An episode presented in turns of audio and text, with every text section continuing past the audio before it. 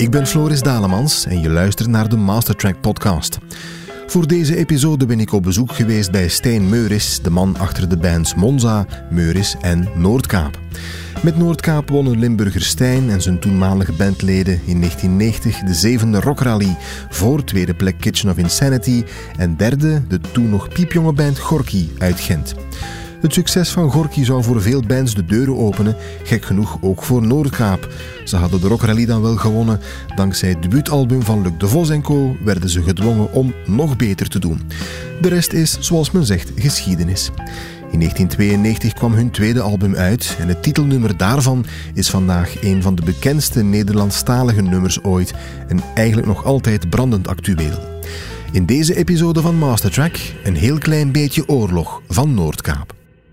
Ik vond die titel wel tof en het is nog altijd actueel, ja. Of dat nu gaat over een wereldconflict à la Syrië of, of noem maar op, of dat gaat over de migrantenkwestie of huishoudelijke uh, incidenten. Dat is echt multi-inzetbaar.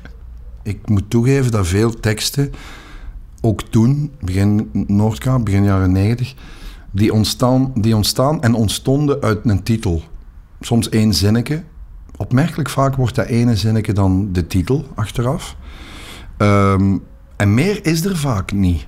En, en in dit geval herinner ik mij, uh, we repeteerden met Noordkaap nogal intens in die tijd in Bord Meerbeek bij Mechelen. Daar woonde de drummer. En in zijn tuinhuis repeteerden we. En dat was klein. Daar klonk ook alles zeer luid. Ik vond het te gek, kortom. en ik had gemerkt, door, door het volume van de muziek kon ik mij wegstoppen in tekst. De rest verstond dat toch niet. Hadden een veel te zwakke zanginstallatie. En dat kwam mij eigenlijk heel goed uit, want, want daardoor had ik eigenlijk maar een paar zinnetjes nodig telkens om de illusie te wekken dat ik een hele tekst had. En dat was ook uh, pre-laptop en pre-wifi en internet. Dus, dus ik had eigenlijk gewoon wat notas bij op papier. En voor de rest van de groep leek dat dan... Ah ja, Stijn heeft een nieuwe tekst. Nee, Stijn had twee of drie zinnetjes. maar door de rest min of meer te... Ja, hoe zou ik zeggen? Te, te brabbelen... kon ik dat wel, ook voor mezelf, de indruk geven... die tekst is bijna af. Dat was niet, maar dat lawaai van een repetitie had ik heel veel nodig om mij in die bubbel te, te dwingen.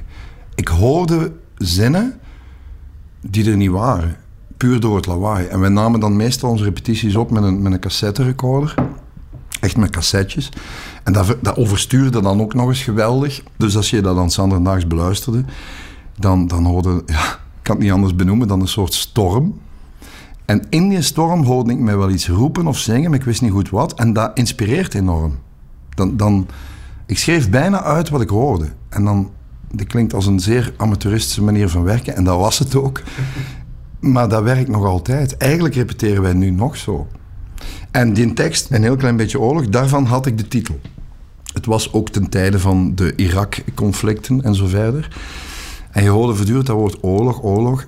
En, daar heb ik wel eens meer um, woorden die je al je hele leven kent, banale woorden, die krijgen ineens een andere betekenis, of tenminste een andere laag of kleur, als je die isoleert. Um, dit is zeer, dit klinkt allemaal heel metafysisch, maar zo bedoel ik het niet. Ik heb dat vaak, bijvoorbeeld door vermoeidheid. Vermoeidheid werkt bij mij heel goed als ik teksten moet schrijven. Want dan raak ik los van die betekenis. Ik, ik kan soms een woord zien op een reclamepaneel. Of ergens in, in een ondertiteling op het journaal. En zeggen, tja, dat, dat is raar. Gigant was zo'n woord. Ik kende dat woord. Ik, ik, ik, was toen een jonge journalist. Dus ik schrok niet van het woord gigant. Maar plotseling, misschien zelfs door een bepaald lettertype, zag ik dat anders en vond ik het mooi. En met een heel klein beetje oorlog uh, ook. Ik weet zelfs niet of dat een uitdrukking was.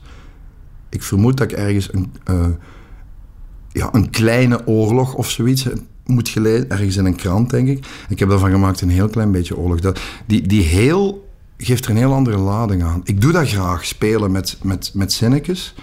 Net een andere twist geven zo. En, en soms leidt dat dan tot een nummer en heel vaak ook niet.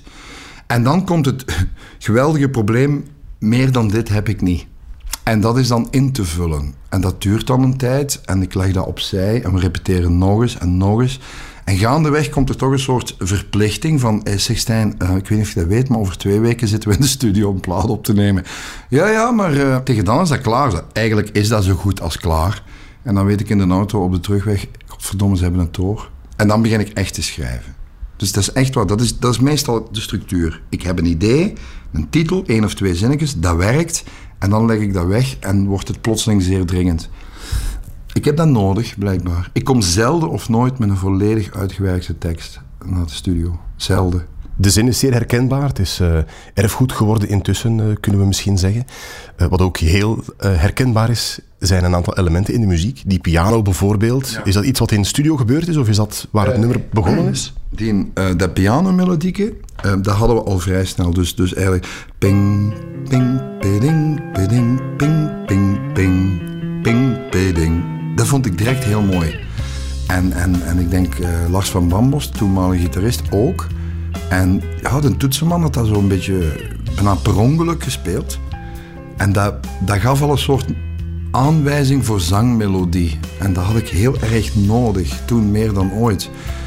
Um, ik was geen zanger, ik ben dat eigenlijk nog altijd niet. En daarmee bedoel ik, ik kan wel performen en met een bepaalde energie en een emotie heel echt en ten volle op een podium staan. Maar ik, het is pas echt zeer recent tot mijn schaamte, dat ik zangmelodieën kan bedenken. En, en heel veel mensen vinden dat raar. Zeggen, hoe kan dat nu? Je hebt toch heel veel zangmelodieën? Nee. Je mocht de test doen. De eerste drie, vier platen van Noordkap hadden amper zangmelodie. Dat is iets heel vreemd. Ik, ik denk dat het zelfs pas veranderd is vanaf Satelliet Suzy. Dat, dat heeft wel duidelijk een, een vocale melodie. Satelliet Suzy. Maar tevoren, wat is kunst? Uh, uh, ja, Arme Joe, en dat was dat niet eens van ons. Uh, maar hey, alles uit die beginperiode, een heel klein beetje oorlog ook. Het is weer druk in Leuven. Studenten staan op straat. Druk in Leuven komt uit, uit diezelfde periode. Dat is amper gezongen. Dat, dat drijft louter op energie en op een soort vierkantheid, noem ik het.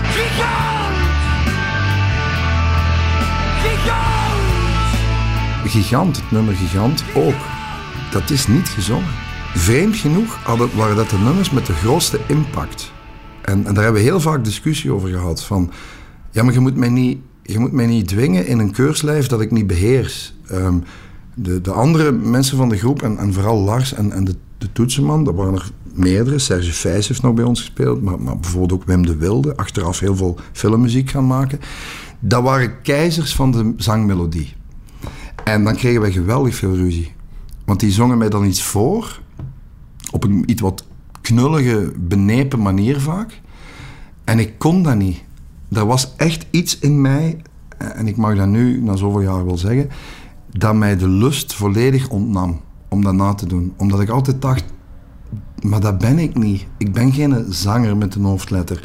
Daar kregen we echt ruzies over. En, en soms heb ik toegegeven, er kwamen er hele mooie dingen uit, maar heel vaak vind ik dat ik daar de bal volledig heb misgeslagen.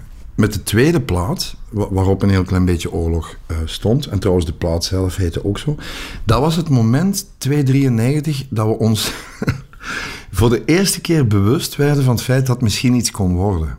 Uh, in 90 hadden we de Rock gewonnen en we hadden ook direct een platencontract en zo. Uh, voor de jonge luisteraartjes, dat bestond toen nog. Hè, grote platenfirma's die uh, veelbelovende groepen iets aanboden. En, en dat werkte heel goed. Gorky kwam uit dezelfde Rock finale, had ook onmiddellijk bij Virgin.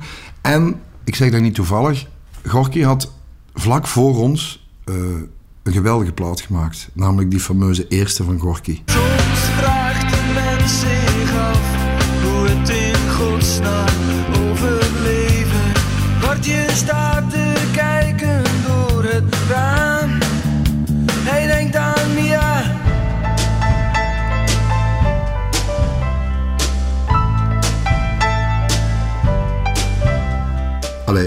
ga niet overdrijven, maar dat is een meesterwerk. Nu, nu nog altijd. Uh, als ik die opzet, dan word ik altijd zeer klein. Die was gemaakt met Wouter van Bellen. Met de toen al legendarisch, enfin, legendarisch overdreven, maar daar ging een soort bizarre prikkeling rond die mens. De, de, wie is dat? Uh, dat moet zeker een hele straffe zijn. En je moet er zeker ook heel straf uitzien. En toen zag ik hem voor de eerste keer en toen dacht ik, oh jong, jij zit nog meer een nerd dan ik. Maar dat was wel een heel straffe producer. En ons eerste plaat met Noordkaap, die was niet goed. Die was echt niet goed. Dat, dat, was, in, dat was opgenomen in een soort storm en drang. En er was een budget en een platenfirma en een dikke studio. En, maar we hadden geen producer as such. Werner Pensaert, de technieker, heeft dat fantastisch gedaan. Maar het is nu niet om te zeggen dat we daar een visie of... Die was er ook iets te rap. En bovendien, langs rechts, volledig voorbijgestoken door die fantastische eerste van Gorky. En toen konden er eigenlijk twee dingen gebeuren. Ofwel was dat het einde van dat groepje, Noordkaap, van man, het was tof, we gaan dat misschien nog eens doen, maar het moet niet per se. Ofwel steken we een tandje bij, daar waren we allemaal voorstander van. En gaan we ernstig werken aan een opvolger. En dat werd dan deze plaat, een heel klein beetje oorlog, het album, met Wouter van Bellen als producer. Dat was in zijn zeer klein, piepklein home studio in Mechelen. Uh, in een garage. Ik kan het niet anders noemen, maar dat was echt in een garage. En dat was een klein studio en een klein mengtafeltje. Maar hij kon wel geweldig straffe dingen. Ik kon maar niet geloven dat die eerste plaat van Gorky en bijvoorbeeld ook Axel Red, wat toch zeer sophisticated allemaal klonk. Ik zeg, Wouter, dat kan toch niet dat dat hier is opgenomen? Tussen die eierschalen. Uh, ja, ja. Twee goede micro's, mengtafel en een fermstel oren aan een kop. Zo, zo praten die in. Ja, ja, maar die platen klinken zo goed. Terwijl wij zaten met ons eerste in een of andere mega boat. We hebben er dan niet uitgekregen. Ja, ja, kijk. En uh, dus wij met hem aan de slag. En uh, ja, zeer veel van geleerd. Wouter van Bellen wordt veel genoemd als de man die uh, op Mia van Gorky dat pianootje inspeelde. Hij ja. heeft toch niet toevallig... Jawel, Wouter heeft ook dat piano ingespeeld. Wij hadden zeer wisselende... We hadden eigenlijk niet echt een toetsenist. We hadden in het begin Serge Vijs van Tissimatic, waar ik geweldig fier op was. Trouwens, nog altijd een crème van een gast. Ik heb die zo graag. En bovendien een top, top, top muzikant. Um, dat hij überhaupt zich verlaagde om bij ons te spelen. Ik kon er niet aan uit. We hebben daar heel veel lol mee gehad. Maar in de periode van de opnames van deze plaat uh, waren we weer met anderen. We hebben met Wim de Wilde, met Anton Jans. We hebben heel veel uh, keyboardspelers gehad. Maar dit, het lijntje kwam wel van ons. Maar ik denk dat Wouter het heeft ingespeeld. Dat deed hij trouwens vaak. Hè. Hij, hij ontmantelde ideeën en demos tot een soort pianomelodie. Ik moest er in het begin enorm aan wennen, omdat ik zag ons als een, als een gitaar- en drum-driven band. En hij zei, ja, ja, dat is allemaal, wow, is geweldig stoer allemaal. Hè. Ja, ja. En dan ging hij aan zijn buffetpiano zitten, die trouwens niet altijd 100% goed gestemd was.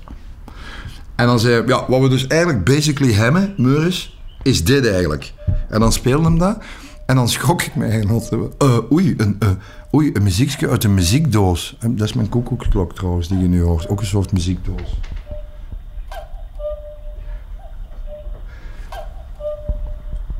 Volgens mij zit daar een nummer in. Ja. Maar dus hij herleidde vaak de ideeën tot, tot piano, die hem dan nog eens bewust zo bijna met twee vingertjes speelde. En dat was confronterend, want dan was dat, ah, oei, is het daar? Ja, maar dat is toch heel schoon? Ja, als jij het zegt. En dat is dus zo ook. Maar dat is wel zo. Die, die mens had een enorm gevoel voor melodie en voor het detecteren van mogelijke hits. Daar moeten we echt niet flauw over doen. Daar was hij zeer goed in. En ik denk nog steeds. Um, ik weet ook niet hoe dat Wouter dat deed. Want hij, hij gaf altijd een hele nonchalante, iets wat arrogante indruk. Zo wat achterovergeleund zo. Je moet je voorstellen, ik was toen denk ik 6 of 27, maar hij ook. Ik denk zelfs nog iets jonger. En toch, nu vind ik dat vreemd. Toch keken wij daar naar op. Ik dacht, hoe, wacht eens even, hoe kan dat nu dat wij toen opkeken naar een snotneus van 25, terwijl we zelf ongeveer zo oud waren? Ja, een soort kan het niet anders noemen dan natuurlijke autoriteit en talent, uiteraard. En dus lieten we ons gewillig leiden, daar ben ik nog altijd blij om, door Wouter. En eigenlijk die hele plaat, een heel klein beetje oorlog, was maar een soort aanzet, een soort vooroefening voor wat komen ging. Want het is pas bij de volgende gigant dat dat echt op temperatuur kwam. Ook wij. Eigenlijk, ik voel nu nog altijd deze plaat, een heel klein beetje oorlog, als een soort oefening in ernstiger worden. Het Nederlands is wat dat betreft een zeer gevaarlijke taal. Want je kunt, allee, ik zie het niet, ik zie het hier nu, hè, die tekst staat hier in dat tekstboek, zonder muziek, zwarte letters op een witte achtergrond en dan is het bijna gênant.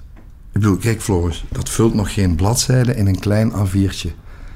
Het is twee keer niks. En ehm, de helft ervan is dan nog herhaald ook. Dus eigenlijk kan deze tekst bijna op een bierkaartje. En, en ik heb me daar lange tijd voor gegeneerd. Om, omdat dat bij nogal veel teksten is bij mij.